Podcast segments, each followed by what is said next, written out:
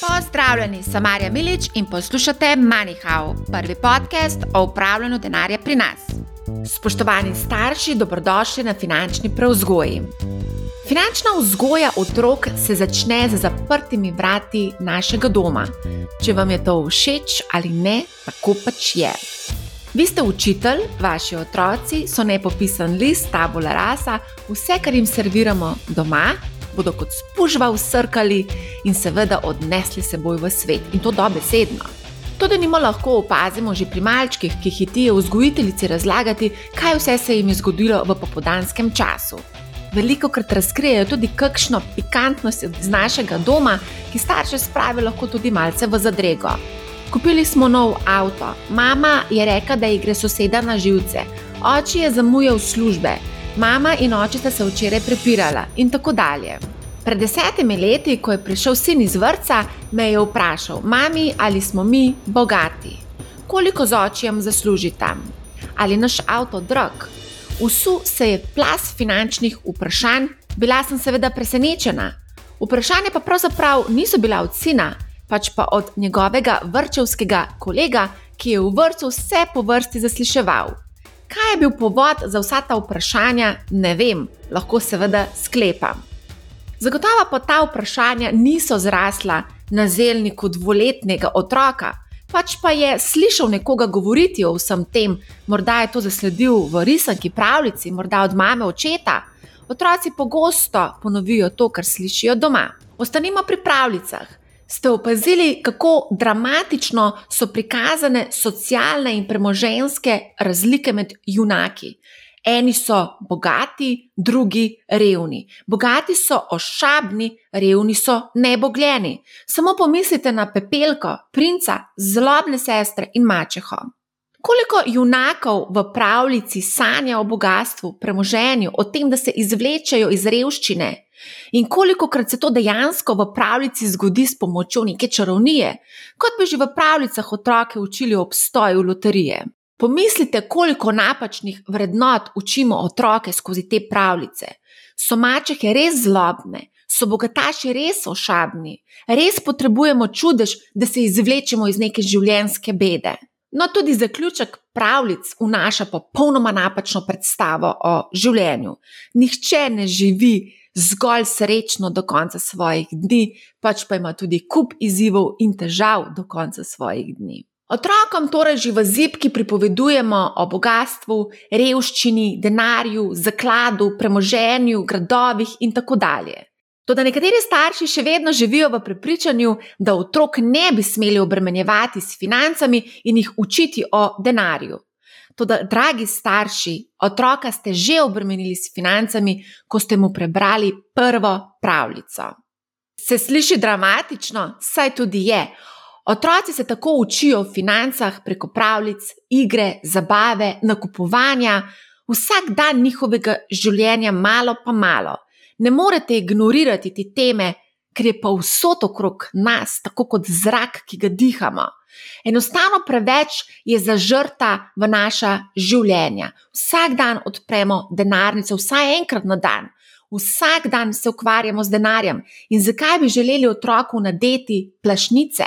Samo zato, ker menimo, da niso kostaj temi. Kdo pravzaprav ni kostaj temi? Vi ali otrok? Ne podcenjujmo otrok. Otroci vedo več, kot si želimo priznati. Otroci še najbolj vedo, kje so vaše šibke točke in stalno testirajo meje dovoljenega, pa ne bo to malček ali pa najstnik.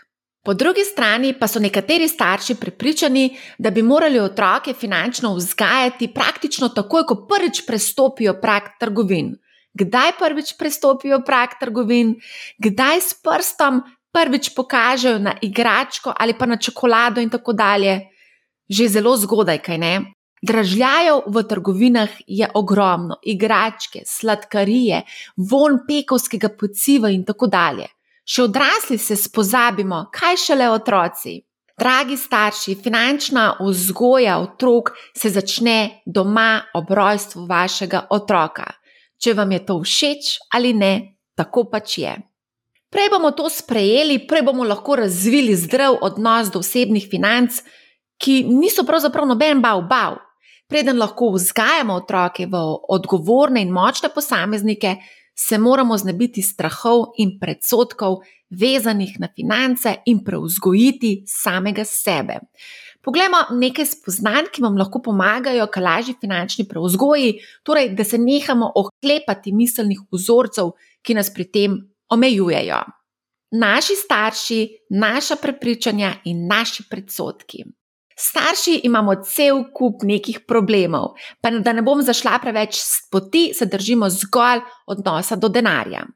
Večino prepričanj o denarju smo dobili od staršev, oni pa od svojih staršev in tako dalje. Ta prepričanja se na nek način selijo iz roda v rod. Nekaj je seveda zavestnih, veliko je pa podzavestnih. Kot otroci smo opazovali starše, kako ravnajo z denarjem.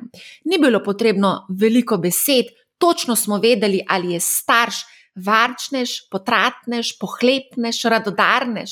Vedeli smo tudi, ali nam bo prej kak dinar, tolar, evrov primaknil oče ali mama. Točno smo vedeli, na koga se obrniti, ko smo potrebovali denar. Druga težava vseh nas pa je tudi ta, da se pogosto primerjamo, tekmujemo in s tem tudi obremenjujemo. Sosed ima boljšo službo, večjo hišo, hitrejši avto, lepše obleke in tako dalje. Vse to je povezano z denarjem. Primerjamo torej naš finančni položaj z njegovim in na nek način merimo vrednost. To se pravzaprav dogaja že v vrtu med malčki, ko primerjajo igračke. In ko pred otrokom rečemo, sosed je pa spet kupil nov avto, le kako si lahko to privošči, ste otroku povedali, da je razlika v finančnih zmožnostih med vami in drugimi. Drugi si lahko privoščijo, mi pa ne. Neizogibno nastane občutek, da je z našo družino nekaj narobe, da je vredna manj. Najboljši način za uspešno finančno vzgojo otrok je seveda preuzgoja staršev. To pa naredimo tako, da moramo najprej spoznati sami sebe. In sicer cel kup nekih sprožilcev čustev, ki nas zavirajo ali celo vodijo v brezbrižnost ter neko podzavestno zanemarjanje ali celo sabotiranje procesa postavljanja nekih zdravih temeljev osebnih financ, ne glede na zneske, ki so nam na razpolago. Zato za domačo nalogo združimo preomenjeni točki. Torej, pomislite, kakšne so finančne navade vaših staršev in jih primerjajte s svojimi, ne sosedovimi. So kakšne razlike med vami in vašimi starši? Ste našli kakšne skupne točke? Zapišite jih, ozavestite jih, kajti vse to prenašate na svoje otroke in ti bodo na vaše unuke in tako dalje. Najhitrejša pot do spremembe je, da se pogledamo v ogledalo in tudi naši otroci so naše ogledalo. Dobra novica pa je tudi ta, da številni mladi, ko pridejo prvič v stik s finančnimi tematikami, se znajo na nek način samo preuzgojiti. O financah začnejo razmišljati drugače kot starši, včasih tudi iz klubovanja in motiva, da bodo stvari naredili drugače kot starši, kar pogosto ni nič narobe. Sedaj bomo spregovorili o eni pomembni tematiki in sicer zakaj je mama pri finančnem opismenjevanju ključna figura. Na tej točki prosim vse moške, ki zdaj poslušajo, da to epizodo posredujejo tudi ženam, partnerkam, puncam, zato da boste skupaj lahko zgradila finančno varno in stabilno skupnost. In se vam seveda tudi vnaprej zahvaljujem. Pogosto slišim od žensk, kako jih je strah financ da nimajo pojma o tej temi, da te stvari raje prepuščajo možu oziroma partnerju, naj se on ukvarja s finančnimi odločitvami, mene finance ne zanimajo. Takšen odnos je lahko zelo velik problem.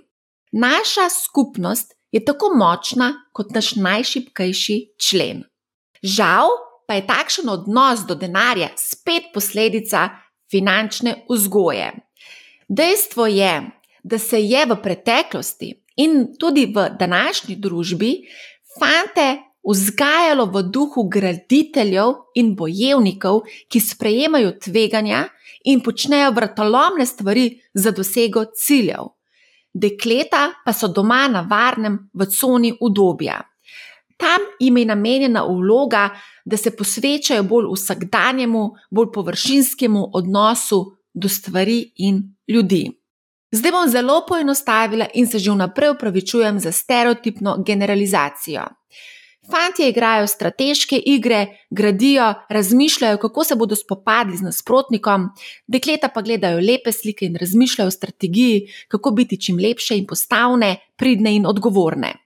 V finančnem smislu lahko rečemo, da se ženskam v nesorazmernem obsegu ugrajuje odtujenost do razumnega sprejemanja tveganja za dosego strateških ciljev ali celo zavira sprejemanje tveganja v vsaki obliki finančno jih spreminjamo v risk menedžerke, ki so edino pomirjene, če je denar doma in na varnem. Ucepljamo jim strah in dvom vase, ko se soočijo tudi z najmanjšo stopnjo negotovosti, tudi zato, ker smo preveč zaščitniški. Na fante je na drugi strani nenačrtno ali podzavestno preložena odgovornost, da bodo morali poskrbeti za družino, stanovanje in tako dalje. In vsi smo na nek način krivi, ker smo premalo pozorni na vse te stvari. Da nima pred leti je moj sin spraševal babico, kako bo kupil stanovanje ali hišo, če že to precej stane. Zakaj se je osemletnik o tem spraševal in odkje je to prišlo, je vprašanje, ki še do danes ni povsem odgovorjeno, sklepam pa lahko, da je slišal meni ali očeta govoriti o nori rasti cen nepremičnin, ker o tem se tudi precej veliko doma pogovarjamo. To, kar smo danes, je množica dolgoročnih odmevov našega otroštva. Ne pomislim nazaj. Da nima moj oče je finančno zelo preudaren. Spomnim se trenutkov, kako sem kot mala deklica, ko smo šli v trgovino, prosila za igračko ali karkoli. Njegov odgovor je bil vedno enak: Ne zdaj, prišli bomo nazaj. Če zanaliziram ta odgovor oziroma to potezo, je vrhunska. Otroka s tem oči potrpežljivosti, da vsega pač ne moreš dobiti takoj, in čez teden, dva, mesec sledi revizija, ali sploh želiš tisto igračko, ki si, si jo prvotno želel. To se mi je zdela izredno pomembna lekcija, torej ta cool off period oziroma čas za premislek. Da nima še vedno se spomnim, da sem na punčko Barbie čakala zelo, zelo dolgo časa in jo potem tudi dobila ob popolnoma nepričakovanem trenutku. Takšne stvari ti potem ostanejo v spominu. Tudi sama uporabljam to strategijo ohlajevanja impulzivnosti, ne le pri otrocih, pač pa tudi pri sebi. Tudi v svetu posla in pogajanj si ljudje pogosto vzamejo premor ali pa stvari prespijo, kot se reče temu dodatnemu obdobju, ko si vzameš čas za sprejem pomembne odločitve. Torej, ko otrokom očitamo, da želijo vse instant takoj, da želijo hipno zadovoljevati potrebe, smo si v bistvu starši zakuhali sami, ker nismo postavili mej, da pač vsega ne moreš dobiti takoj. Morda konec koncev tudi starš nima te meje. Svet danes deluje na popolnoma drugačnih obratih kot pred leti in tudi sami želimo hipno zadovoljevati vse svoje potrebe. Našim željam pa vse bolj ustrežajo tudi finančne inštitucije, saj nam ponujajo cel kup nekih hitrih stvari, hitrih rešitev, s katerimi lahko zadovoljimo vse te potrebe. Recimo, hitri krediti, instantna plačila in takšne rešitve lahko pogosto stanejo zelo veliko denarja, ali pa seveda nas lahko zapeljajo v še več finančnih težav. Sedaj pa pogledamo nekaj točk, ki vam lahko pomagajo pri finančni preuzgoji in seveda tudi pri finančni vzgoji otrok. Prvič, Nadzorujte svoj denar, trdo ste delali za njim, da bi pustili, da vam ta narekuje življenje. Drugič, nadzorujte svoje čustva. Skušajte biti čim manj impulzivni in čustveni. To je včasih sicer zelo težko, vendar manj kot je čustev pri vprašanjih o denarju, upravljanju premoženja in tako dalje, in več je odgovorjenih vprašanj, bolj ste na pravi poti. Tretjič, s partnerjem se pogovarjajte o financah in rušite tabuje o vlogi spolov. Finance ne smejo biti tabu tema. Pomagajte si in sodelujte. Rastite skupaj in sprejemajte odločitve skupaj. Delajte revizije odločitev in ne obsojajte napak. Napake so pot do uspeha. Pogovarjajte se o tem, kaj sploh je tveganje kakšen je odnos do letega, kako si ga lahko privoščite, kako ga vidi en in kako ga vidi drugi. Naj vas otroci slišijo, ne skrivajte teh pogovorov pred njimi. Tudi če vas ne bodo poslušali, jim bo vseeno ostala slika, da so starši enakopravni pri sprejemanju odločitev in mogoče se vam kdaj pridružijo s kakšnim vprašanjem. Osvobodite se predstotkov in stereotipov glede investiranja, tako kot pri telovadbi, pot do rezultatov vodi preko bolečine in napora. Enako je pri financah in sicer do rezultatov pridemo z razumnim sprejemanjem tveganja, za katerega smo potem tudi ustrezno poplačani. Četrtič, izobražujte se. Upravljanje denarja ni raketna znanost, čeprav številni to poskušajo prikazati na takšen način. V znanju je moč in posledično pametnejše finančne odločitve. Osnove, ki postavijo zdrave temelje za nadgrajevanje, so v resnici dokaj nezapletene in v financah na dolgi rok, v 90 odstotkih primerov velja, manj je več in enostavno je bolje kot zapleteno. Nikoli se ne podajajte v stvari, ki jih v osnovi ne razumete. Če jih želite bolje razumeti, si vzemite čas, da postanemo, da nimo mojstri v čemer koli, je potrebno vložiti vsaj 10.000 ur, pravijo strokovnjaki. Torej, če želite neko stvar obvladati, recimo investiranje v opcije, potem si je potrebno vzeti čas in te stvari tudi naštudirati. 10.000 ur. Petič, prevzemite vajeti nad svojim premoženjem. Nihče ne bo na dolgi rok bolje poskrbel za, za vaše premoženje, za vaš denar, kot vi sami, seveda, če se boste vzeli za to tudi čas. Bančniki, zavarovalničari, borzniki in tudi drugi prodajalci finančnih produktov pogosto nimajo vašega interesa v ospredju, se morajo doseči svoje prodajne plane oziroma cilje. Zato si sestavite svoj lastni finančni načrt, ki ga razumete in ga seveda izboljšujte korak za korakom, iz leta v leto. Torej, če potegnemo črto pod to epizodo, če smo sami bolj finančno pismeni, če se zavedamo, da je to pomembno za nas in za naše otroke, potem bodo tudi naši otroci posvečali tej tematiki več pozornosti, bodo opazili te stvari okrog sebe. Gre namreč za verižno reakcijo, zato najprej preuzgojimo sami sebe, zato da bomo lahko vzgojili otroke. Toliko za danes. Če menite, da bi ta vsebina lahko komorkoli koristila, recimo sosedu, prijateljici, kolegu, teti, stricu, babici, detku, sestrični, bratrancu, učitelju, ravnatelju, komorkoli, prosim, delite podcast Manihau naprej, zelo, zelo bom hvaležna. Sporočite mi tudi, če imate kakršno koli vprašanje, sporočite mi tudi vaše prakse, finančne vzgoje otrok, če imate kakršne koli izzive, mi lahko seveda pišete z veseljem, vam bom odgovorila oziroma poskušala pomagati. Spremljajte nas še naprej na vseh možnih kanalih. Podcast lahko poslušate na Google Podcast, Apple Podcast, Spotify, Castbox in drugih kanalih.